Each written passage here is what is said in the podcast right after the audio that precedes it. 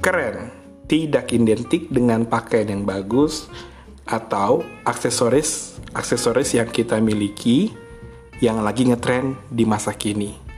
Tapi ketika kita memiliki obrolan santai dan mampu membicarakan segala sesuatu tentang kehidupan ini dengan santai dengan rekan kita, itu juga termasuk dengan keren. Dan inilah podcast saya, N2K, ngobrol-ngobrol keren. Karena keren adalah hak segala bangsa, termasuk kita yang menikmati obrolan santai, apalagi obrolan santai tersebut ditemani dengan kopi hangat. Hmm, asik sekali. Selamat mendengarkan podcast ini. N2K, ngobrol-ngobrol keren.